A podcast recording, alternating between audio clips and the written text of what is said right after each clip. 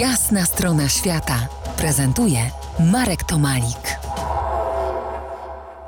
Moim gościem pozostaje Duin Hamaker, profesor astronomii kulturowej w Szkole Fizyki Uniwersytetu w Melbourne. W swojej książce First Astronomers piszesz, że astronomowie pierwszych narodów są strażnikami wiedzy, która informuje o niemal każdym aspekcie życia i kultury. Czy to oznacza, że nauka i kultura są nierozerwalnie powiązane?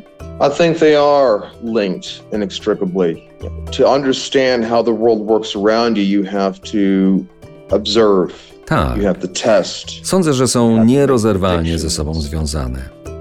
Aby zrozumieć, jak świat wokół ciebie funkcjonuje, musisz go obserwować, musisz go testować, musisz przewidywać.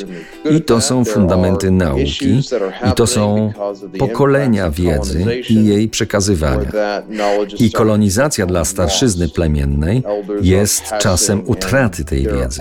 Starszyzna odchodzi i powstaje pytanie o dalsze przekazywanie tej wiedzy.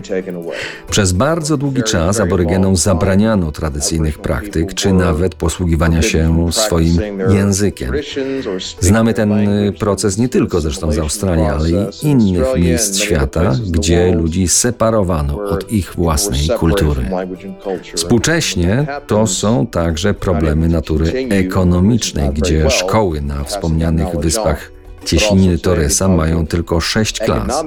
Więc jeśli dzieciak ma 12 lat, to po dalszą edukację musi jechać do miasta na lądzie głównym Australii albo na większe wyspy.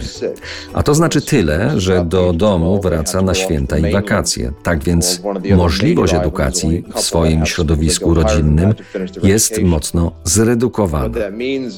Oczywiście, co dotyczy i naszego świata, dzieciaki poza domem są bardziej podatne na wpływ gier wideo i innych destrukcyjnych form temu podobnych. Of course, like anybody else, these kids want to be on their phones and play video games and do other things of that nature that are distracting for that.